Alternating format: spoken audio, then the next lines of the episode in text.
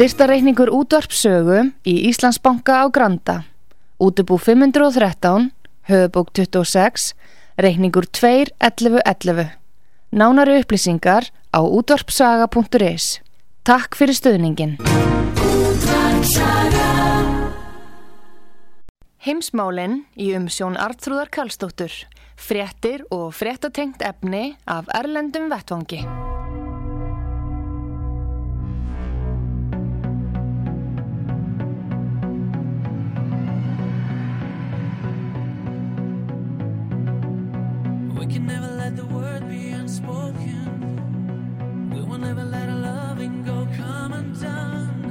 Everything we had is staying unbroken. No, you will always be the only one.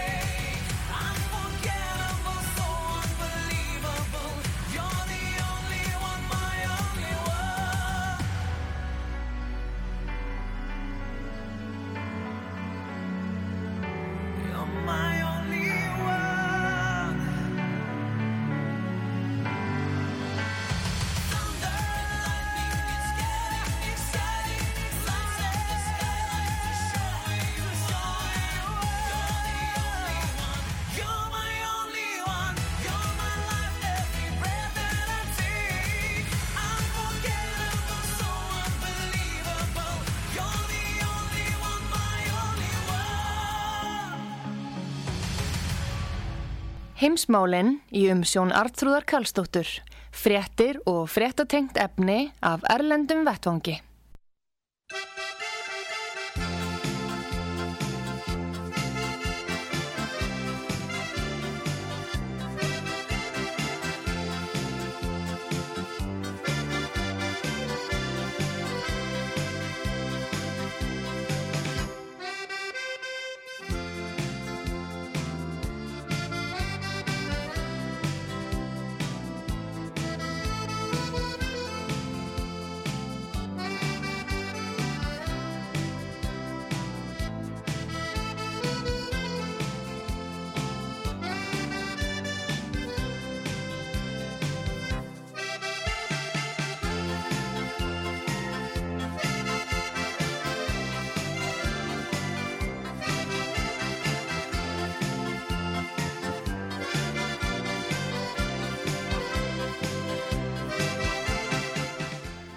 Komið þið sælef eh, heimsmálinn í dag á útvarpi sögu, Artrúð Kallstóttur heilstar ykkur.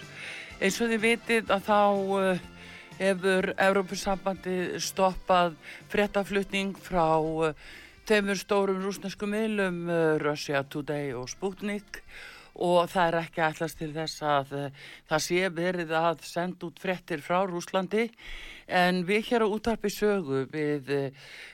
höfum það sem aðalstarf að uh, miðla frettum og frettatengdu efni sem við erum að fjallum og uh, leitum eftir öllum þeim hliðum sem að geta varpa ljósi á stöðun og ástandið í Úkrænu,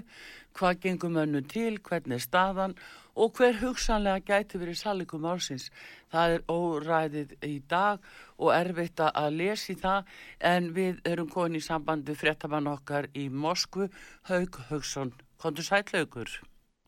Já, kontur sæl, Artrúður, kontur sæl. Um, svona til að byrja með haugur, hvernig er svona, hvernig er andrúmsloftið í Moskvu og Rúslandi það er verið að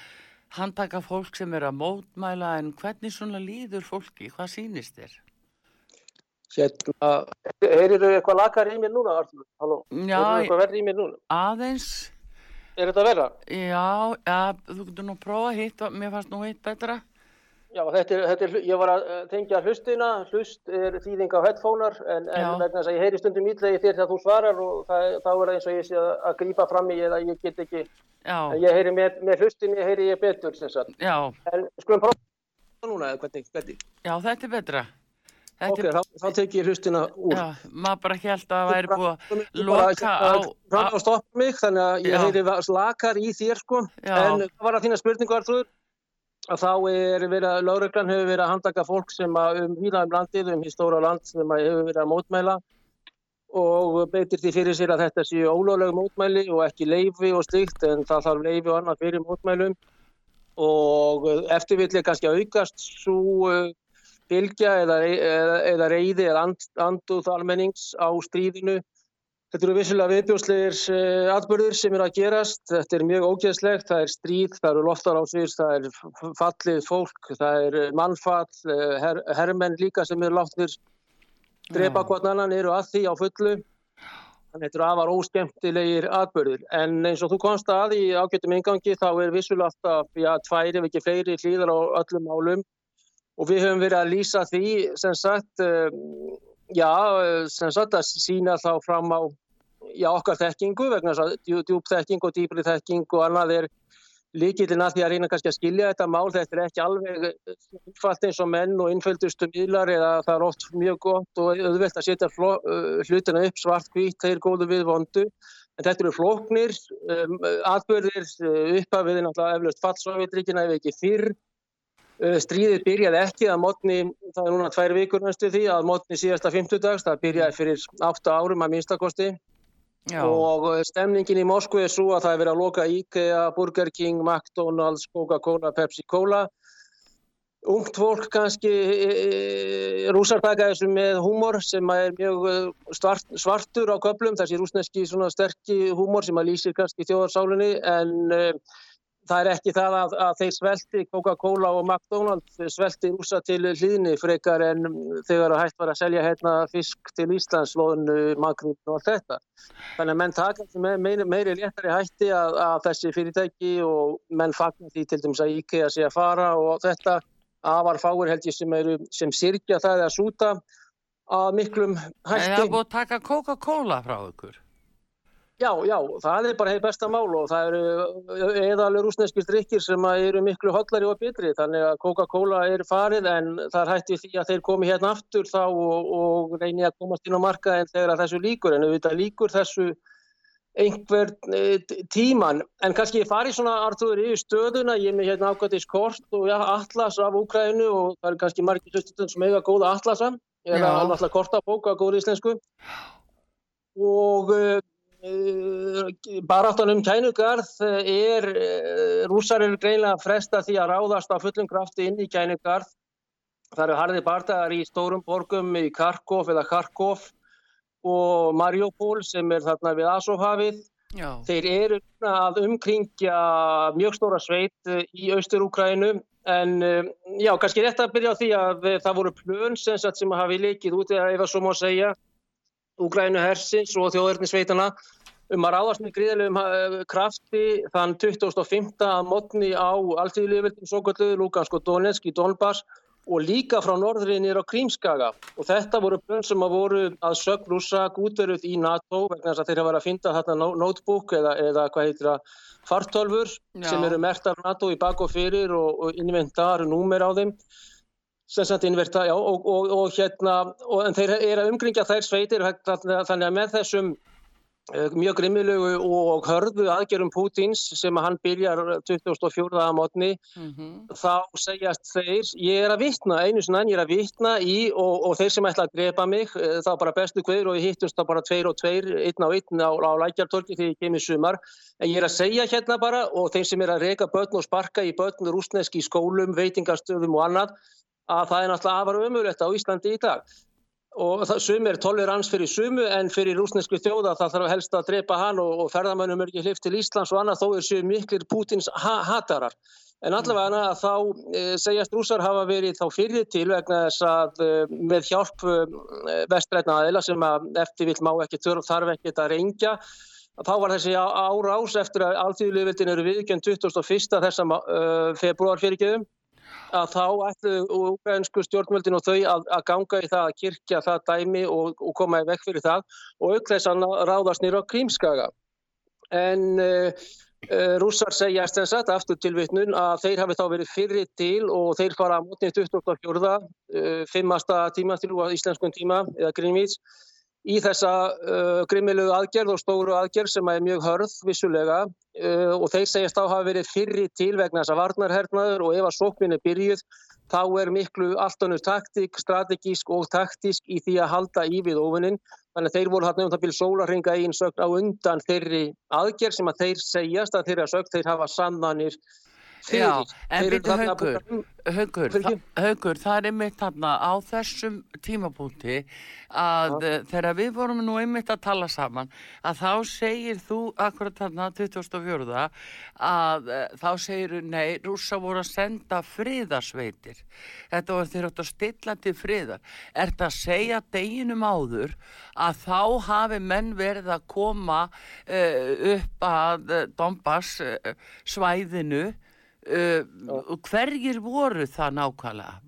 Var það, var það Pentagon, var það uh, uh, ukrainski stjórnarherin, var það NATO, hverjir voru að koma þar upp að sjó, sjóleiðina? Það sem að mín spá Artur, hún var svo að þeir myndu fara inn í alltíðljöfveldin, nýstofnuðu og ný, ja, ný viðurkjöndu, stofnuð fyrir 8 árum, að rúsa myndu fara þar inn og ekki fetinu lengra heldur en þau síslumörk í Lugansk og Donetsk eru. Já, Síðan kemur það í ljós eh, að mótni 2004 að þeir ætla sér að taka allt landi sem að mér persónulega sem fréttaskýrenda kom gríðarlega mikið á óvart að þetta ætti sem sagt að hjóla í þetta bara allt, allt landið en ekki að Já, fríðagjörstu, já, já, getur vel verið, ég hefði notað það orð vegna þess að þarna hafa 14.000 manns verið drefnir með köldu blóði síðustu 8 ár og íslenskir, hvort sem það eru rítvundar eða aðrir með ræðuhöld, að lokuðu augunum og össi rössi líka hafa engan áhuga á, á því sem er náttúrulega á, áhugaverst og, og fleira og saminnið þjóður og Rauðikross síndi ekki og sömur kalla það að það hafi verið allt í að þeir líta rúsa sem undir máls og hóp. En uh, Þetta kom náttúrulega að óvart að, að herráðið sem er Gerasimov og, og Sjóiku hefðu gangi í þessa hörðu aðgerð. Já, og þeir kannski halda það að skulum við segja þeir fara þarna og uh, með gríðarlegan hér inn í alltöðlífveldin sem eru austast. En þá hefðu kannski ekki þetta stórskotalið byrjað að stoppa og þeir hafa núna verið að skjóta mikið inn á alltíðljöfildin og fleiri, fleiri óbreyttir sem hafa dáið en hverjir, hverjir voru það? Hver, Já, hverjir nákvæmlega voru það sem voru að fara uh, sko, sjóleiðina? Það eru þeir sem er, hafa verið að skjóta á Donbass síðustu sérna átta ár, átta ár, ekki átta daga, ekki mánuð, ekki átta vikur, Artur, átta ár. Já, en þá ert að tala það um... það eru úglæski stjórnar hér í nóð þessar eh, hægri sveitir eða nýnansista sveitir sem að svo eru kallaðar. Já, Svona beint svaki þinni spurningu. já, já, ég meina Og með það. hjálp Pentagons og NATOs og þeirra átti að fara í norður krím og, og, og, og bara hreinlega að hjóla með gríðalegu afli og kraft og það eru plögg uh, sem eru verið að byrta núna hernar á allanir sem voru náttúrulega hérna, secret dæmi Mm. með, með, og mátti ekki kópiera eða taka myndir af en þeir hafa fengið njósnir af því greinilega þá átt að, átt að fara að taka krím tilbaka og með því þá hefðu fallið núna þegar uh, hvað svo aðgerð átt að taka langan tíma þá væri svona 100.000 fallir eflust núna. En það er sem sett bara beint, beint svara þá var það ukrainski stjórnarherrin og hans fórista og þessar, þessar sveitir þjóðverðnisina, National Battalion sem eru mörg og er að fá mikinn stuðning núna frá vestluráróskum þjóðverðnisin sem, sem er að senda sjálfbúðaliðin. Já, þannig að þeir ætluðu uppalega að ná krím aftur tilbaka. Nákvæmlega, Þe- þetta er algjörlega rétt hjá þér Artrúður og þetta er það sem allir að gera og í rauninni, ég er aftur bara að segja fakta, faktalógíu sem að- er samkvæmt rúsum og samkvæmt herráðinu. Herráðið virðist að nokkuð professionalt í uh, bæði upplýsinguöflun og það sem þeir eru að segja og gera greinilega að þeir hafa komist yfir þessi plögg. Þess vegna Artrúður ganga er í þetta með svo miklum uh, afli, krafti og þessa grófi aðgerð þarna að mótni 24 Mhm. til þess að vera fyrrskilur, það, það er að vera fyrir anstæðingurinn og þá eru þeir búin að leggja í rúst bara einn daginn tvær sprengjur og tvær flugbreytir og þá eru þær óvirkar vegna þess að þær þurfa no- fleiri nokkur hundru metra reyndar MIG og SU og SUPOI og, og þessar vélar, Iljusin orustu vélar til þess að komast á loft en þá sprengja þeir þær upp og það, það gerðu þeir allt austur í kænugarð í kýr til þess að gera ófæran uh, hérinn í þessa gríðalegu árásar aðgerð sem að, var í bígerð, skulum við segja, já, Já, var planið. Já. Þessi tímasetningin á svo er þessi, tæming, tímasetningin er þessi, já, nákvæmlega. Já, en uh, hérna, nú er það kannski búið að liggja, eins og segir, liggja lengi loftinu að rússum var ekkert fyrirgefið það að ná krím til sín hvað 2014 og má þá ekki segja að það veri eðlilegt að úkrænumenn væri að reyna að ná því aftur. Jú, jú, en það er náttúrulega þessi Minsk samkomulagið, uh, já, við skulum bara tala um krím, sem per se, þá er það þannig að eh, 2014 er þarna valdaráni í februar-mars, uh, þeir taka krím í lókmars og það kalla þeir fríðargæslu aðgerð vegna þess að það er staðrind að það voru, og það fyrir enginn í grafgötur með þá, menn bara þurfa að kynna þessi mál og hafa eitthvað smá vitt áður en þeir gera sérfræðingar kostnaðan í blöðum eða, eða ræðustólum vonastar. Það var það að í, í á Krímskaga eru rússar og tatarar og, og gríkir og, og þjóðverjar og mjög marg armenar, aserar, allt þetta líð og grúsíumenn. Uh, Úgrænsk þjóðverðnistefna hefur aldrei verið sterk á, á, á Krímskaga. En þeir sem setja þarna þjóðaratkvæðagreyslu, síðan eru sveitir sem eru undir fótboltabullum, uh, strákar sem sagt á, orkudrykkjum og fleiri, fleiri uh, dæmum sem á að senda til Krím, þeir fá njósna frí og svo lest fer ekkert inn á Krím. En þarna átt að koma á uh, að sumra mati blóðbæði þar að segja og terrorisera það sem, þá sem að voru pró-rúsneskir. Eftir þetta þá fer, um, fara rússar í þá aðgerð að herrtakað Krím per se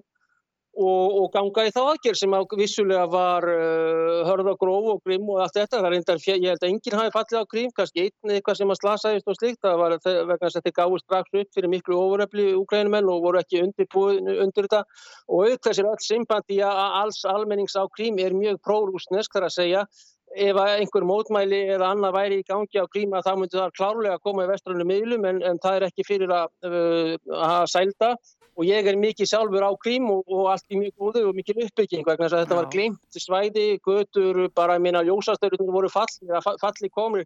og ólíkarkarnir í kænugarði hitt allan peningin og þetta er ólíkarkastjórn sem er búin að vera í 30 ár frá falli Sovjetsins. En þetta er svona, hvað var það Krímartrúður? Já, já, ég meina það, það búa þarna um hvað, tva- tvær og hálf miljón Tvær. eða hvað. Jú, það vil 2 miljón, já. Já, og, og, en G7-ríkin þau hafa ekki viðukent þessa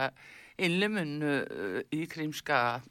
í Já, Rúsland. þarna náttúrulega eru separatistar, Artrúður, frá úkransku stjórnvöldum eftir gríðalega gróft valdarán. Við getum Mm. takið nákvæmlega, ég held að bæði Gulli og Þótt KRG og fleiri þurfi og, og greinarhöfundar ímsir líka og þeir sem eru á hæsta leveli í Íslandi er náttúrulega ótrúlegt þetta. En, en málið er það að í Kosovo eru separatistar sem eru, eru stuttir af uh, BND, MI6 uh, og fleiri til þess að gerast antiserbnesk mjög sterku öfl og og stopna UCK sem er uh, Kosovo, Ko- Kosovo, KLA, Kosovo Liberation Army sem er náttúrulega sponsoriraður af vestrunni fyrst og fremst gegn serbunum sem eru progressnu rúsnest afl og ortodox Mm. Að þeir komast algjörlega og þeir eru núna með fótboltalið sem sagt í uh, UEFA og FIFA og allstaðar að þá uh, í rauninni er þetta sama mál en þeir eru viðkendir allstaðar og tvískinningur Vesturlanda er því mýður þessi að uh, já, að, að hérna það er einn má en hinn ekki sem er náttúrulega í lögfræðilegu tillit og annars þar er mennir vandaðir, bara vandaðir og að faglegir í sínu vinnubröðum þá á eitt eitt yfir alla ganga í alltaflögum Og, og þetta er vissulega stert argument hérna Kosovo-dæmið og svo þetta og, og nú er stærsta herstuð bandarækjaman í Európu er eitthvað freedom base eitthvað sem heitir eitthvað slíkt sem er í Kosovo. Já, en þannig að vera spurningin svona aðeins að lokum í samfættu við þetta en af hverju er þá krímskægi svona mikilvægur fyrir rúsa? Af hverju leggja það svona mikla áherslu akkurat á þetta svæði?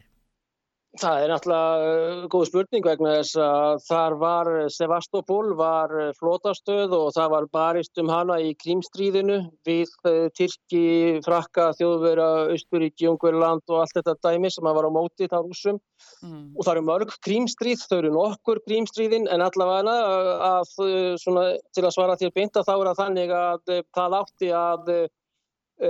taka fána rúsneska flótans uh, þar niður, þetta er gríðilega stór mer mer uh, með merkja og stór og öflustuð og taka niður rúsneska fánan og hengja upp bandaríska, tyrkneska og NATO-fánana. Þá er ekki þannig að hún hefur verið náttúræðilisir út til þess að tekinn frá rúsum heldur fyrir anstæðingurinn komið með þarna greiðilega sterkastuð í svartahafinu sjálfu. Þannig að þeir töldu þetta, um, líklega er þetta eitt af kannski úrstakostunum um þegar að þeir taka krím 2014 þá er það líklega eitt af úslita ekki bara að það átt að gera þetta miklar þjóðurniseinsanir í uh, gegn rúsnesku mærandi íbúum sem eru al, 90%. Líka átt að taka yfir NATO og ætlaði að taka sér yfir Sevastopol sem að náttúrulega strategíst og hvað var það þannig að balans og, og ógnarjafvægi hefði verið algjörlega fullkomlega, skulum við segja, já, óásættanlegt frá hernaðilegu sjónamiði mm. og hvað rússar myndi þá gera náttúrulega með því að ekki bara missana heldur missana yfir til NATO, uh, NATOs sem er og því miður er mikill lóvinur rússa þó að það hefði ekki þurft að fara þannig. Já, já, en uh, allavega að þá uh, er staðan þessi að við vitum um þessi, þessi átök og árásir á fólku í östulutanum og, og höfum margótt verið með fréttir af því haugur ég og þú. Mm. og með þess að þú talaður um borgarastyrjild í Ukrænu þannig að fyrir jól varst að lýsa því. En mm. einhvern veginn fyrir döfum eirum finnst manni núna eftir á að higgja að. Eh, síðan þessi ákvörðun eh, ákvörðun herrásins og Putin að taka allt eh, landið hva, hva, hver er ofinbæra skýringin á því í Rúslandi? Máttu já, segja frá því? Já, já, það er náttúrulega að uh, það sem að menn líka gleyma, margir sérfræðingur og aðri, það er það að það er búið að vera borgarastyrjöld í landinu í átta ár frá 2014 og stjórnarerinn hefur verið að bombardera, bombardera á eigin borgara, konur og börn í þessu átta ár og það er 14.000 manns fallir, fólk sem er engin á Vesturlöndum og fínir og góðir, blada, politikusar, bladamenn, bladafólk, eh, bladakrakkar, hafa ekki áhuga á. Já. En uh, það sem að þeir núna er að gera, það sem að Putin sagði þarna um morgunin þegar að 2004, það er það að NATO hlustaði ekki á okkur NATO reyndar og NATO-löndin svar ekki brefum frá Lavrov sem eru sendið Reykjavík og þar á meðal. Það var sem sagt 1. februar til 37 ríkja og NATO í rauninni þeir segja það að Blinken og Biden hafi gert grín í rauninni hafi verið að djóka með þær hérna kröfur skulum við segja rúsa að NATO fari ekki lengra á Östuróbógin og það verði garanti fyrir eh, ábyrg eða trygging á ríkisöryggi Rúsland Uh, og þessi ótrúlega aðgerð Pútins núna að uh, gera innrás í allt landið uh, er eftir, við skulum við segja, tengt því að döfumeirum NATO-manna, hvað varðar það að setjast niður og tala saman vegna þess að eins og við vitum fullkomlega Artur Lengi, þá erum við búin að lýsa þessu í beitni hérðan frá Moskó og viðastar annar staðar, að þeir vildu tala saman sem að var algjörlega fyrir döfumeirum sérfræðinga sem að náttúrulega ráða og, og, og spila fyrstu fylgu eða er, er hljómsveitarstjórin, reyndar er, er tóni nokkur, er, er hérna Jósef nokkur bæten með tóni Blinken, Antoni reytar að sagt, þeirra sem að fyrir döfum eirum, þannig að þetta er svo ótrúlega aðgerð hjá Putin en, en gríða, væntalega bara þegar hann vaknar þarna eða er þessu, þessu geðveikislega stuði þarna á mótni 2004 reyndar er náttúrulega undirbúið við, uh, lengi, skulum við segja, við vil innan náttúrulega gæsalappa og strategist. Mm. þeir eru með stert herráð og, allt þetta. Uh, vegna þess að þá tilur hans sig bara vera leiksoppur eða gert grína sér eða eitthvað solis og, og gengur í þessu ótrúlega aðgerð þarna vegna uh, hunsunar uh, að eigin sögum að segja og uh, þetta, ég, ég veit ekki hvort að NATO núna er fara að sjá eftir að hafa ekki sínt þeim kannski meiri skilning, virðingu, samtal, diplomatíu. Það er mjög líklegt að mínu mati. Og, og, Já, og, en haugur, ég ætla samt að vekja aðtveikliðina því að því að nú erum við að tala um ákveðna staðrindir og tölur og dagsetningar að, að þetta er 24. februar sem að hann fyrir inn, rúsarnir, e, bandaríkjamerinn og Biden var búin að vera trompandi trilltur í marga, marga vikur að hljóðandi það að rúsar væri að fara hann inn og hann var að senda yfir, sko, alveg yfir þyrmandi af vopnum inn til Úkrænu hann var að senda menni í, til þess að þjálfa úkrænska hermenn og, og þannig að eh, sko, eitthvað er búið að ganga þarna á áður það sem okkur ekki sagt. Algjörlega og þetta er alveg rétt hjá þér að, að þeir eru búin að dæla þarna vopnum inn í, inn í landið í lengri, lengri tíma. Þessi innrás var auglýst um það byrj fjóra mánuða fyrirvara sem er einstæ, einstæ, einstæða í hernaðarsögunni og þeir eru búin að vera að dæla inn vopnum og, og, og það er eitt sem ég ætla að segja núna sem er mjög leiðilegt að heyra og þurfa að segja Ísland er beitt, þáttakandi í hernaðar átökum að frumkvæði vinstri hreyfingarinnar græns frambóð. Það eru flugvilegar frá Atlanta Airways, Atlanta Cargo, frá Bluebird uh, að fara inn á hérna Sheshov eða Zuzef er að voru fram á Já, já, já. Þetta er fymta flugvillin fór í morgun frá Bakka í, í hérna Portugal en þær hafa verið að fara frá Ljubljana í uh, Sloveni og Zagreb, höfuborg uh, Króat, uh, Króatíu með gríðalegt vagn- magn- vagn- magnvopna og Ísland er beitt þáttakandi með Já. vinstri greifinu hérna Vafki í farabróti í styrjöld í Evrópu. Ísland já, já, fólk er líka Þetta, en fólk er líka í stórun stíl skelvingu lostið yfir því að vinstri grænir gerir þetta Það, Þetta er mjög, þetta er mjög ótrúleitt og Já. það eru tvö íslensk flugfyrir, það þarf, það þarf gríðalegt, það, það, eru mikið pappirsvinna, þetta er gert á engum tíma, það þarf, það þarf frá samgöngustofa, ef að íslenskt loftfar er að senda til þriðja fjórðalandsins, íslenskt loftfar með TF eitthvað, TF frú eða, Mm. Já. nei, nei, það eru reyndar stærri, og hérna, þá hérna þarf leifi og undan frá, já gott ef ekki stjórnarskrá líðveldisins sem er mjög friðsamleg á, á ytri plökkum en ef að, minna, þegar þeir byrja hérna, rússarnir eru ekki byrjað að drepa Íslendinga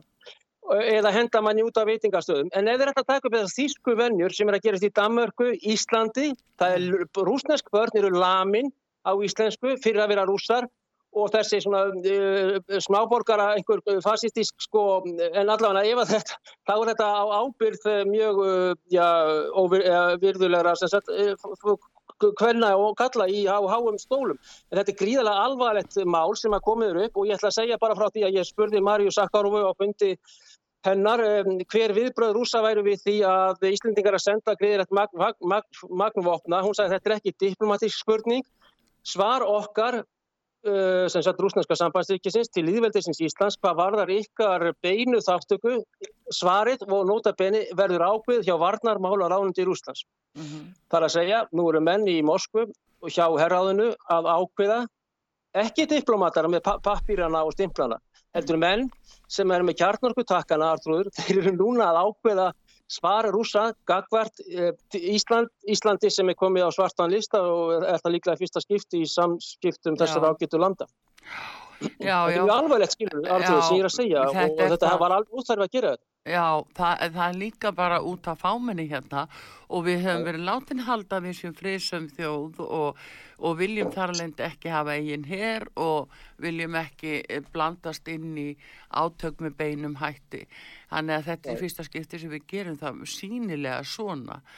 En það... Svo er líka það Artur að þeir ætla að koma sem kjarnorkuvopn og mörgum með, með hellinga biolaboratorium bandariskum í 30 stykki í Ukræn. Það, það er líka eitt það sem að, sem að Selenski alltaf að koma sér upp kjarnorkuvopn. Við fyrir ekki að ég hef greið fram í fyrir. Já, einmitt, það, ég sko, það, ég ætla líka að ræða þetta við þig, vegna þess að það núna hefur náttúrulega verið eins og veist að eh, sko rússar eru með eh, kjarnorkuvopn og Pútín hefur eh, sko kalla til, eftir því sem okkur er sagt, kalla til eh, og, og setta á hæsta viðbúnaðastig eh, þá aðilega sem að stýra kjarnorkuvopnunum. Og, og heimurinn stendur svolítið á öndinni af óta við eh, að hann láti til skara skrýða hann uppbyllinni svara þær þjóðir við sem að hafa verið með vopnasendingar til Úkrænu og uh, fólk skilur það eða bara á einn veg að það sé talendi búið að koma sér í ákveðna hættu sem skotmark. Eh, nú viðbröð bandaríkjarna þau eru dálítið sérkynleg Um, þeir eru núna náttúrulega að hún Kamala Harris er núna nýri í Pólandi að reyna að leysa þetta her, herþóttumál uh, vegna þess að Pólverið er alltaf að láta að bandarækjumenn hafa hvað 36 uh, herflugvelar en uh, vilja skila þeim til bandarækjumanna nýri í Þískaland og, og láta bandarækjumenn bera ábyrjáði en þá segja bandarækjumenn nei. Það er eitthvað sko Já, tvöfaldur leikur þarna. Þeir eru náttúrulega skýtra, eða þeir eru afar hættir fyrir gefið þetta að, að, hérna, að missa ólíuna frá Rúslandi er náttúrulega mesti ólíu útflutningsríki heims í dag. Svo eru sátarnir nummið tvö. Þannig að þeir eru mjög hættir um þetta og, og við svöru rúsa sem að greinilega ætla að svara fullum þunga síðan hvað varðar herráðið og annað þá er uh, reynlega spurning tímaspursmál hvenar rússar taka alla Úkrænu þeir eru að umkringja Kýr, þeir eru að loka Ódessu, þeir eru að taka allan svarta af ströndina Þeir eru Já. með gríðarlega mann, mannabla sem að þeir segjast alltaf að eyða vegna þess að þetta er nýnasistar sem var allavega eftir bók Pútins þá. Hann er að segjast alltaf að eyða nazisma í Úkrænu og, og þessum hernaðamætti sem Úkræna á að eða eru kannski búin að hafa sig upp og þá er hann að tala um líka kjarnorkuvopn og bíó sem sagt efna og, og, og, síklavopn og eh, sem sagt eh,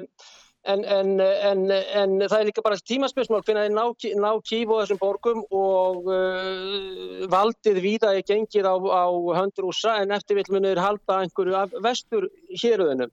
En með bætin og þá þá eru þeir náttúrulega mjög hættir um að uh, ólja og, sé- og sérstaklega ólja hætti að koma frá Rúslandi og, og það á eftir Nú, að hafa hann var að banna það í gerðkvöldi, haugur. Bætin var eh, kom bann við innflutningi á eh, til, eh, til hérna bandaríkjana. Eh, sko, Blinken, eh, Antoni Blinken, hann sendir menn til Caracas og Al-Riyadh sem að sendu síðan þá menn tilbaka, öfuga eða ekki öfuga, en allavega þá er hann núna, eh, þeir hafa- þeir eru búin að vera að reyna að drepa Nicolás Maduro, forseta Venezuela, lengi, þeir eru búin að vera með eh, embargo, innrásir, valdarán, þeir viðkendu Juan Guaidó sem annan forseta landsins, það er svipað á Tikhanovskaja sem að menn eru búin að gleyma á Íslandu sem að Gulli viðkendi sem réttmætan forseta. Hvítarúslands. Hvítarúsland Já, sem að, sem það valdar hann fór út í hausinn uh, út um uh, hérna sandin en núna eru bandarækjaman að senda menn til Caracas sem er höfuborg Venezuela til þess að, að, að láta þá verða óvinni rússa allt í einu og byrja að kaupa ólju frá þeim mann sem eru hafa reynd að drepa núna marg sinnis uh, hérna, Nicolás Maduro og Hugo Chávez og þeim Já. tóksta eftir vill með uh, í bíódæmum í, í lokin sem var byltingafóringi og ungur hérna, uh, hérna liðsfóringi sem gerði valdarán og sama með Al-Riyadh þar að segja Sáti Arabíu og sama með Teheran þar að segja Íran. Nú eru bandarækjumenn að senda menn um viðan völl og, og koma þarna ekki kannski alveg á, á, á fjórum en ég er að reyna að vingast við þessi lönd til þess að fyrst að ég að kaupa olíu frá þeim og öðru lagi til þess að þeir hérna dæli og dæli núna olíu út á markaðina vegna þess að rússarnir að þeir ætta að stoppa á rússnesku olíuna en þá segjast rússarnir ekki selja hana til Kína og bara með glöðu geði á góðu verði og með langtíma samningum fram í tíman en eh, allavega þeir þessir þarna sem sagt sérstaklega hann eh, Maduro sem að eh, segist eða vill láta hann að láta líta auðvitað en einhverjum leini samskiptum eflaust og hitti menn einhver stöðar og annað. Eh, se- segist ekki vilja sjá bandariska sendinemnd og tala við þá en þetta er kannski svolítið svona svolítið umingjalegt eða svoleiðis og óprinsip, í diplomatíu ég held að þetta sé svolítið típist kannski fyrir bætin og hans stjórn eða allt þetta. En, en, en eins og þú segir alltaf með ólíuna þá er hún líkil atriði núna með, með, svona, með, með, þessi mál. En hversu þeim tekst að kirkja rúsneskan efnahag með þann uh, sterka bandalag sem að Kínaveldi er í austri og þá gríðarlega orkun og orkun sem þeir þurfa? Og reyndar hafa Kínar verið náttúrulega í góðum tengslu bæði við Venezuela, við Caracas og, og Teheran, við Íranina líka sem að bandarækjumenn Já. eru allt í einu að reyna þetta að þá segjast allavega á yfirborðinu eh, Novak sem er hér orkumálar á þeirra, hann segjast ekki hafa neinar áhyggjur af því en hann hins vegar varar hann við Európu og Vesturlönd um að þau séu að skjóta sig í fótinn eða báðarindar og, og fleira kannski með þessum aðgjörum og þetta verði ekki banabíti en uh, eigi eftir að vera mjög alvarlegt fyrir ef, evróskan efnahag sem að er í nógu miklu vesenni þegar, skulum við segja. Já. ég ætlaði mynd að koma því líka haugur, það er akkurat það sem er málið e, núna og það er að passa saman við allt aðra hluti sem að manni finnst nú í fljótu bræði vera alveg stjartræðilegt en, en aðeins þetta að, að sko þær frétti sem við höfum fengið er að Putin segist vera ráðast gegn nasistum og dópustum í Úkrænu og ætla að skipta um stjórnvöld og annað. Fólki finnst þetta einhvern veginn vera alveg fárálegt. Hva, hvað, hver er skýringin einhvern veginn á þessu? Já, já, ég, ég sagði strax þarna eh, þegar þarna í byrni þegar þetta var að gerast, þetta var ekki eðvikisleg brun og brjálæðislegar áallanir og, og, og bara vegna þess að ég er skinsamur og við erum að sjá þetta Artur og, eins og ég segja aftur, þetta er viðbjörnslegir afturur sem eiga sér staðarna, þetta er uh, ótrúlegt og ef að fríðarsinnar eru til, til að þá er það ég og þú og Saga og, og við reyndar erum bara að segja frá, en- frá hlutunum að vera miklu meira inn í málum Það er nokkuð sem heitir kompetent eða inkompetent, einhver er inkompetent eða, eða, eða kompetens á ennsku. Við erum með það á, við þekkjum þetta og, og aðrir íslendingar sem að vita og hafa verið hérna í 30-40 ár er að rey- reyna að lýsa þessu að maður fær svoleiðis fasista eða sem sagt er kallaður öllum yllum nöfnum og morðhótanir og ég er reynda bara gaman að því og þið skulle bara reyna en, en snerti ekki við mínu ættmönnum með eitthvað slíkt. En hérna, uh, já, já, þetta eru ótrúlega grófar aðgerir og alþjóðlega hann leta ekki næja. En uh, síðan er náttúrulega eitt líka sem er mjög mikilvægt að það er það að hérna,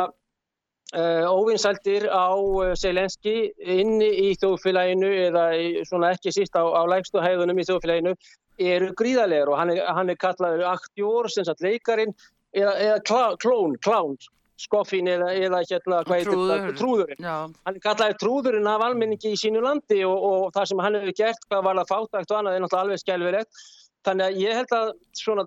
taktíst sé það sem að rússarnir ætla að gera sér núna,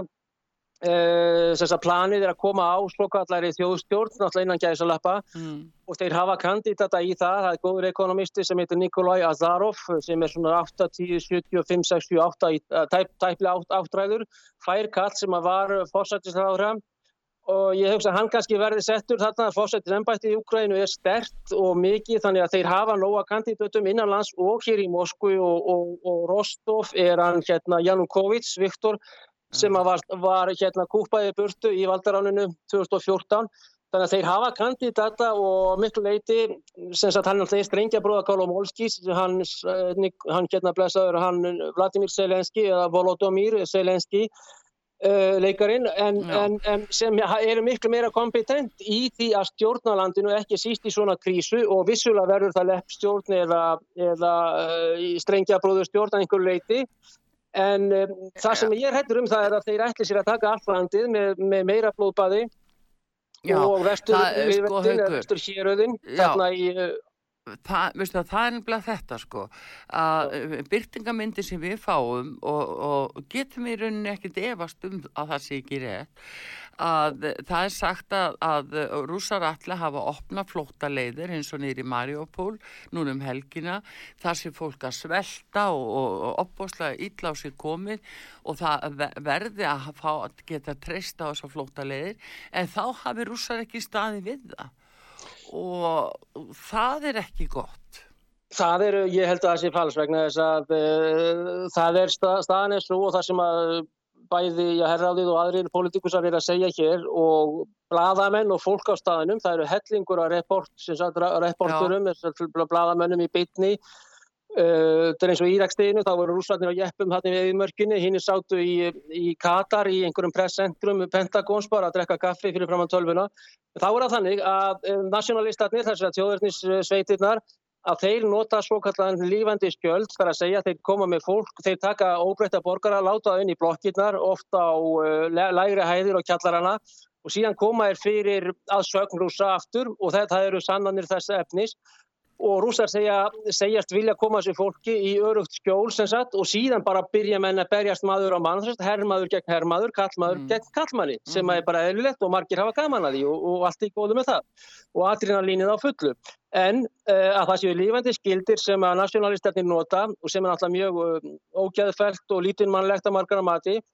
og ég held að sé eh, sagt, að, að svo staða sem að kemur í vestrænum miðlum, þessi mjög einleita staða að rússar vilji ekki almenningur auðvitað vilja þeir taka við sem bestu búi og, og sem fæst sprengt hús og sem innstri bardagar. En þessi lífandi skjöldur segja menn og enn og aftur er ég bara að segja hérna þar sem kemur í fléttum að sé uh, verk þjóðurnissinnana sem að sé skýtsama um einn borgar og konur og börn sem að reyndar sínir það þegar drápus að 14.000 þarna í landfjóðurvöldunum. En það er þetta, nefnilega svo ræðild að sjá þetta fólk er á flókta konur já, og börn og gamalmenni og allir sko það, þetta er bara svo óskiljanlegt að þessi staða geti komið upp. En samt virðast þeir sko rúsarnir þeir eru bara umkringja Eh, borgina, þeir eru umsátri og eitthvað skils mér að, Úkræna hafi náða að fella einhverja brú til þess að gera þeim erfitt fyrir að komast inn í borgina. Eh, hefur verið meiri mótstað í Úkrænu heldur en að Rúslandin byggust við?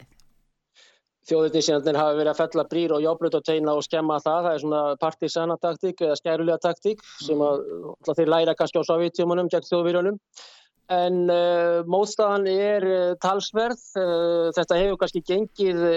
hægar að mínum að en þeir ætluðu sér í fyrstu. Það, það er mjög sterk anstæða hjá þjóðurnisveitunum sem eru gríðilega sterkar og eru núna með hjálp danska sendir á síns og hollenska og breska og bandaríska, volandi ekki íslenska sendir á síns. Mm. Þá eru það sjálfbúða liða núna sem satt að ganga til hliðsvið Azov, Pravi Sektor og þessar sveitir þjóðurnis manna en uh, anstæðan uh, já, eftirvill er hún meiri heldur en rússar byggust við. En um, náttúrulega eftir að höfuborgin fellur sem að núna er tímaspursmál uh, þeir eru þarna þessi, þessi, þessi 70 km bílaless náttúrulega gríðalur fjöldi og styrkur sem sagt í henni eða herrstyrkur og, og, og púður og menn og annað. Og þetta eru þeir segja, eftir um þetta einhverjir, sagt þeir segja rússar sjálfur að þessu einungis með atvinnuhermenn í þessu þurfi ekki það eru sjálfbúðarlegar að bjóða sér fram að fara í herin að þeir þurfi það ekki ennþá allavega. Að það er til dæmis kímaspörsmál hvernig kíf fellur og þegar að, þegar, þegar að það gerist að þá uh, fara kannski borgirnar sérstaklega austupartinu og borgarstjórar að hengja hvita fána sagt, á, á, á, og gefast upp og ganga þá því valdi á hönd sem að sem að rússar eru að koma á vissulega. Já, en uh, samt sem áður haugur sko uh, í uh, þeim borgu þar sem þeir hafa náð yfir höndin eins og nýri Marjapól, það, það er að koma til dæmis viðbröð frá íbúðunum að þeir vilja, þeir eru að mótmala þessu. Íbúðunir er ekki sáttir allir við þessi skipti þannig að það, þetta er ekki alveg búið og núna náttúrulega er farin í kýf sem að já, með hvernig hætti bara að gera er það? Eh, sprengjar allt í loftu eðilegjaði borgina skilur þetta eru bara spurningar sem eru að ógna öllum. Já, reyndar í vestrannum miðlum að þá er sínt mótmæli gegn rúsunum en í rúsnesku miðlum eru send, eh, send, sínt sem sagt myndbrót þegar að fólk eru að fagna, fagna þeim en, en auðvitað er fólk búið verið hérna í herkví og vill losna úr þessum herkvíum sem fyrst og ætla, ótrúlegar aðstæður og Íslendingar hafa vatn í grönunum, bensín í bensinstöðunum en þá allavega 220 volt í einstungunum mm. og eitthvað í eh, hérna, sjúkrakassanum og, og batteri og annað og vatn og annað sem að náttúrulega er ekki en einhvern tíman kemur kannski að Íslandi, það er aldrei að vita en með kýf þá eh, er eh, anstæða þar Eh, þeir náttúrulega eru búinir að umkringja þá borg og eru að klára það núna í Suðvestrinu við Dnjepr fljóti sem að líkur þarna í gegnum allandin og það fer þá eftir því hversu mikil vopn þeir hafa, vopn og vistir og aðfeng en logistikinn hér er öll rúsum í hag vegna að þeir hafa uh, logistikina frá Kvíturúslandi og Rúslandi sjálfu og erum þessar lestis þar sem þeir koma með vatn, vístur, mat, lif og ekki síst skotfæri og nýjar sprengjur þannig að þeir uh, ná kífalveg öruglega fyrir það síðar. Þó að séu harði bardagar þarna í útkverfinum og, og fleira og þeir sendu fallega herminn bara á fyrsta degi sem að einhvern veginn hafa virast að hafa haldið út þarna þrátt fyrir uh, ásrók stjórnarhessins og sveitana en uh, vonandi að þetta er falleg borga, hún verði ekki sprengt í loft upp og Já, ég uh, segi það, sko. og, það er, hins vegar er það svona, þá er það að, að, að, að Putin ætlar ekki að gefast upp og hann hefur aldrei tapast stríði eins og bandaríska rítið Newsweek sagði fyrir viku. Já, en, eh, en haukur, það er annað sem að ég myndi vilja koma inn á við þig. Það er bellinis bara út af eh, frétt sem er á fréttasíðinu útvarsaga í dag frá Gustaf Skúlasinni í Svíþjóð. Hann skrifar um það og hefur eftir Blúmberg að það séu uh, hérna, staðfesta lífefna rannsónastofu bandaríkjana í Úkrænu. Uh, er þetta sanna fréttir að rúsa sé að skjóta á efnaversmiður og uh, jafnvel lífefnaransónastofur? Uh, Þeir hafa fullkomlega vit á þessu, þeir hafa góðar njósnir þarna og annað, þeir hafa tekið Stjernobul kjarnorkuverið og núna er rúsnesk já, herrlaurugla eða einhverja sérsveitir þess ekki spetsnaðas ásamt ukrainskum uh, lauruglusveitum eða sveitum sem, sagt, sem voru varnarsveitir ukrainska hersins að þeir eru sameinlega í því að passa upp á Tjernobyl. Sama með Saparosi sem er stærsta uh, kjarnorkuver í Európu. Þeir hafa tekið það undir eigin stjórn og segja að það sé ekki kjarnorka eða, eða geislavirkni sé ekki farin að leka þar út og ekki það við gerst við uh, það sem sagt ver. Síðan sem sagt með spurninguna sem að Gustaf skrifaði Já, að það eru staðfest frétt, ekki sísta Blumberg er með þetta og svo er, var Victoria Nuland í uh, vittnarlislum hjá Mark Rubio í uh, kongressinu eða senatinu sem sagt og þá viðurkennir hún og segir það að bandarækjumenn séu með 30, um það byrð 30 biológisk uh, laboratórium þar að segja efna, já, hvað heitir það? Já, lífefnavopn, já. lífefnavopni eða lífefna rannsóknarstofur í, Ukraínu allri og það sem er núna að koma frá herraðinu hérna í Igor Konosenkov sem er þeirra blaða fulltrúi Mm. uh, sem að vinnur allan sólarhengin greinilega það er það að uh, í Tjernobyl hafi verið vegna þess að það er einhver geislavirkni uh, hvort hún er mæld í kúrium eða millikúrium eða hvernig sem Mhm. það er að hún sé, að sé einhver og hafi lengi verið en hefur ekki aukist en að í Tjernobyl hafi uh, uh, hafi þeir verið komnir á fremsta hlun Úgrænumenn með hjálp uh, handan hafs eins og þeir segja í því að Úgrænumenn komið sér upp rakettu og kjarnorku sprengju Já, já. sem að Selenski segir í München þarna lögadaginn síðasta eða þar síðasta Já, skip- þannig að áður en þetta fyrir tveimur vikum. Þannig að, en þeir eru, bandarkimenn eru með þess að hérna, biológísku sem sagt, efni og vopni sem er brot á öllum uh, samþyktum og þetta frá saminnið þjóðunum og það sér hérna apparat í saminnið þjóðunum. Mm. og það er alveg reynd og lítið var það ljóst að þeir hafa verið með þessi hérna rannsóknarstofur sem er náttúrulega með hvort að COVID er eitthvað, ég ætla einhver að tengja því saman sem er alltaf fljótt að segja um hér og nú, ekki vöndu vinnubröð, já, já. en það er alveg ljóst og það sem að Viktoria, hérna Artur Núland, uh, svo bandariska með sænska nafninu, já. hún er að viðurkenna þetta fyrir 2, 3, 4, 5 klukkustundum, uh, já, í, já, hvernig, já, í já. bandaríkjunum og núna er klukkan í bandaríkjunum er eitthvað, er eitthvað tíu á mótni. Þannig að hún er að viðkynna þetta eh, sem sagt og þetta, þannig að hérna skilur þau, þannig að sem er alltaf gríðalega alveg mál og hún verður að gera vegna þess að ef hún er að ljúa þá þarf hún að svara fyrir þetta en þetta er nokkuð sem að þeir hafa aldrei sagt hingað, hingað til skilur Nei, og þetta er Viktoria Núland sem er aðstofar manneskja hans uh, Antonís Blinkens. Já, já. þannig að það er að koma upp í ljós og minna þeir eru að opna þarna fjöldagrafir í, í austurpartinum og í þessum svæðin sem þeir eru að taka yfir og þeir kalla þeir sé að frelsa rúsarnir undan gæsalappa náttúrulega og undan fasista stjórn, dógbista og andara já, eins og Putin sagði þegar, að, þegar hann kom með sína Jú, jú, það er nú brosað að þessu sko, en, eh, en það er sama, en hérna, eh, sko, það er annað í þessu því að þetta auðvitað eftir að koma í ljós ef að þeir eru með meiri háttar starfsemi af, fyrirgefðu, að þessu leitinu til Það er sko alveg smál og þeir, þeir hafa sérstaklega verið, þeir, er etnos, þeir, þetta er sérstaklega stílaðin á slavneska etnosin. Já. Vegna þess að úkrænumenn sem etnos, sem þjóð eru, eru slavar líka eins og rússar og það er alls konar þarna, sem sagt, einhverjir líffræði og lífefnafræðileg og annað sem að virkar gegn slöfum en ekki afrikumönnum eða uh, asíu fólki skilur. Þannig að það, það er að, mann, að sögn manna og ég er aftur að vitna hérna í eru þe- þessi gríðilega áhersla á, á lífefnavopn og efnað og síklavopn í Úkrænu vegna þess að þetta er í rauninni bræðra þjóð við rúsa eða sama mjög svipuð þjóð, Ísland og Færiðar sem er sama þjóðin. Heyrðu, það er akkurat þetta sem að vekur svo furðu en þetta er jáfnframt svo mikill óhugur sem því fylgir að, að sjá fólk hvernig það þarf að líða fyrir þetta. Sára saklusi borgara að það er óskiljanlegt.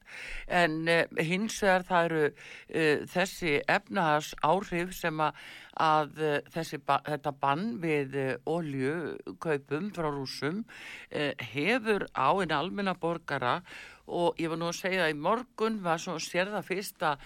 þetta passar alveg við eh, áætlundi greitri sett og frá Davosliðinu þar að taka enga bílur umferð og, og, og setja alla inn í, eh, lestir og, og borgarlínu svo hérna að, að þetta er kjörin leið, þetta hýttist svona á að, að þetta passar inn í, inn í það prógram. Já, það er eins og Klaus Schwab, hann sagði það að hérna, það eru miljónir manna sem að verða örygar með pennastriki eða á örskvölds tíma og það eru miljónir manna sem verða svo ánað með það að, að það verður, það sætir undrum, þannig að það, það er uh, förðulegt og þetta er náttúrulega fólk sem er afar bakvið tjöldin og sést ítla í en þetta er náttúrulega, það, er þessi upp sem að sést, sé, ráða greiðlega miklu en sjást vola sjaldan Þetta eru bankaöflin líka, þau hafa gríðilegan hag og hagnað af þessu, ekki síst með lobbyismann í bandarísku vopnakaupunum. Þannig að vissulega ég held að þessi faktor sé nokkur sem aldrei talað um af öðrum miðlum eða sem sagt uh, annað. En auðvitað er alltaf einhver, minna, það eins og íslenskt máltæki, ekki er allt sem sýnist og bak við tjöldin fara hlutirnir fram og sá sem panta músikina og, og drekku kampavinni eða hann borgar hljónsveitinni á, á restaurantum og á en einhvern veginn finnst manni svona pét, nei, haugur að einhvern veginn finnst manni eins og að Pútín og rússar að þeir sé ekki að hagnast á þessu. Þetta er gríðarlega alvarlegt fyrir þeir eru búin að einangrast að vera að taka frá þeim viðskipti og annað uh, klippa á allt, alla, veistu mann man, man sér ekki hverju ávinningurinn Ég held að þetta sé hatur gegn eh, sem sagt núverandi fórsetar Úslands, hversu lengi sem hann á eftir að sitja, en þannig ekki hann að sjá að hann sé að, að, sé að fara og allt þetta. Já, það er nú fréttir af því, haugur, að, að hann sé svo veikur og, og, og það sé skýringin á þessu og allt hvað eina. Ég get bara valla haft það eftir hvað sagt er og byrtist hér í íslensku fjölmjölu. Þannig að, að það, það er ekki innleiki, sko. Já, ég held að mér sýnist það nú svona sjálfur bara að sjá hann í hérna fjölumilum og annað, þá er lítið sem hefur breyst með hann, en, ég held að það sé heldur orðum aukið og einhver að sjálfsög vissulega óskikja vegna þess og ég segja, þá er hann eitt hataðasti maður veraldurinnar í dag og skrýtt, ótrúlegar aðgerð sem hann er að gera, en vissulega alltaf tvær hlýðar á þessu öllu, en, en hann er líka það að, að hann er, hefur verið hatað núna í 30 ár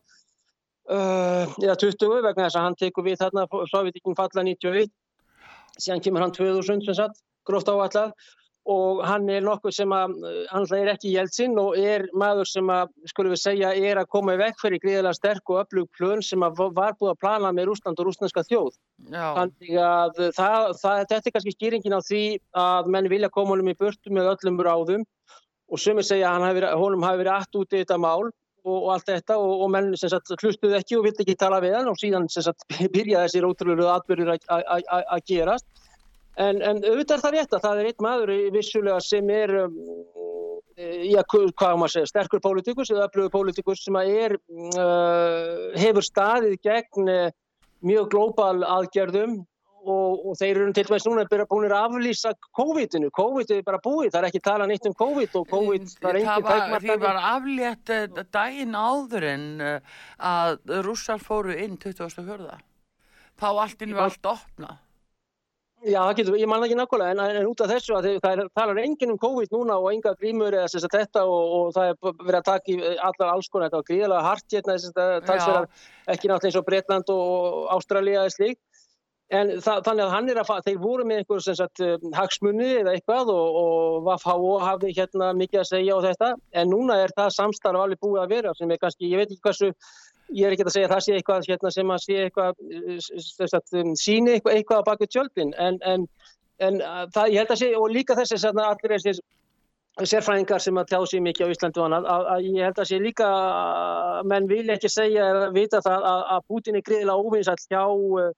mjög sterkum öflum einhverja hluta vegna en, en, Já, eh, en það er samt haukur. með Economic Forum Já, en veistu það að þetta er samt ég, bara östutt að, að þetta, þetta lítur út eins og þetta sé handrit. Þú veist, allir inn í NATO, allir inn í Európusambandi, skilur, það er verið að þjappa öllum saman, eh, það er verið að taka peningasælur umferð, eh, nú á banna, eins og ég segi, oljuverði ríkur uppkofið við 300 krónir lítirinn á Íslandi, þú veist, fólki hefur ekki efna á að keira bílina sína, verður að fara inn í borgarlínu og þvæla þar um, sko, verðbólgan að, að rjúka upp, þetta er allt eins og í handriti já, já, sem við erum búin að sjá já, áður. Þannig að þetta er stór furðuleg stað og þess vegna erum við auðvitað að gramsa í þessum upplýsingum hvað rússarnir segja og, og, og hver eru þe þeirra skýringar. Og núna alveg haugur að því að tíma okkar er alveg að detta út að það er núna Lavrov og, og Kaleba utryggisáþra Úgrænu og, og hérna auðvitað Lavrov utryggisáþra rússa þeir eru niður í Dirklandi á fundi í dag. Já, ok, já, já, já. Vonandi eitthvað komið út úr því Já, það er verið að vona að það finnist einhver lending. Já, já, en The Great Reset sem sagt og, og voru hérna Economic Forum og þessi gríðalega sterku upp sem að ráða mikið baka tjöldin, ég held að þeir sé ekkert að síta þetta eiginlega mikið og það að, að fólk sé þarna í skotbyrgjum og undir sprengjuregni frá beggja hálfurindar Þetta kemur sér vel Eh, fyrir það, þá. það, það, þeir hafa bara gaman að því og, og skemmtilegt, minna menn eins og Schwab og George Soros og þetta þannig að, þannig að eh, og maður það bara að lesa eftir þá nokkur rít og kynna sér það uh, Já, hvað þetta hvað er- maður að segja, vandaðan máta Þetta er en þetta er einmitt það sem er, hvað sérum? Þetta er áætlunin. Já, já, þetta er áallin, stórt stríð í Európu og svo einhverstað annar stað líka og, og hreinsa út þarna nokkra miljardar, minna það, það var, var farið í ganga einhver leiti og, og Já, gekk, þú sér það bara var síðan þrauta tæma út úr ríkisjóðum ímissa þjóða, bara vera að tæma peningana. Fyrst var að gert með COVID, vera að taka og láta ríkin borga, borga, borga og svo núna kemur stríð og borga, borga, borga. Þannig að það vera að veikja fjárhaf eh, hvers ríkis fyrir sig. Þá eru orðin svo háðir innbyrðis. Og þetta er miðstýrt, það, það er svona merkilegt, þetta er miðstýrt, þetta er international sko, þetta var áður fara international hérna, socialistist og annað þetta, en nú er þetta kapital international sem að, já, er um allan heim og, og, og vissulega er þetta globalt í dag sem er náttúrulega bara annar orðið við international. Já, heyrðun, Haugur, gaman að heyri þér alltaf reynd og, og hérna, gott að þú ert, uh, þú ert á lífi minnskosti en við verðum Já. að ljúka þessu núna en uh, og, þetta höldum við áfram að fylgjast með og, og allt það en vonum að, að þarna náist uh, eitthvað samkomulag hjá Lavru og, og Kaleba í dag nýri Tyrklandi. Það væri óskandi að svo verði en uh, bara bestu þakki fyrir Haugur og hafa það sem allra best. Takk alltaf, best, best, Já. bestu hvað. Nú, uh, við ljúkum þessu þá í heimsmálunum núna, við ætlum að fá einmitt rústnesku ömmurna sem voru í uh, Eurovision hérna um árið og sungu einmitt lægi, sko, party fyrir alla, party fyrir everybody. Þannig að það er alveg vel við hæfi að fá það svona í lokin, vonum að þessu linni, þessum hryllilegu atbörðum og fréttum frá Úkrænu viljum ekki meira dráp og meiri meiri herrgagna læti og segjum þetta gott. Artrúð Kallstóttir þakka fyrir. Taknum maður Jóhann Kristjánsson veriði sæl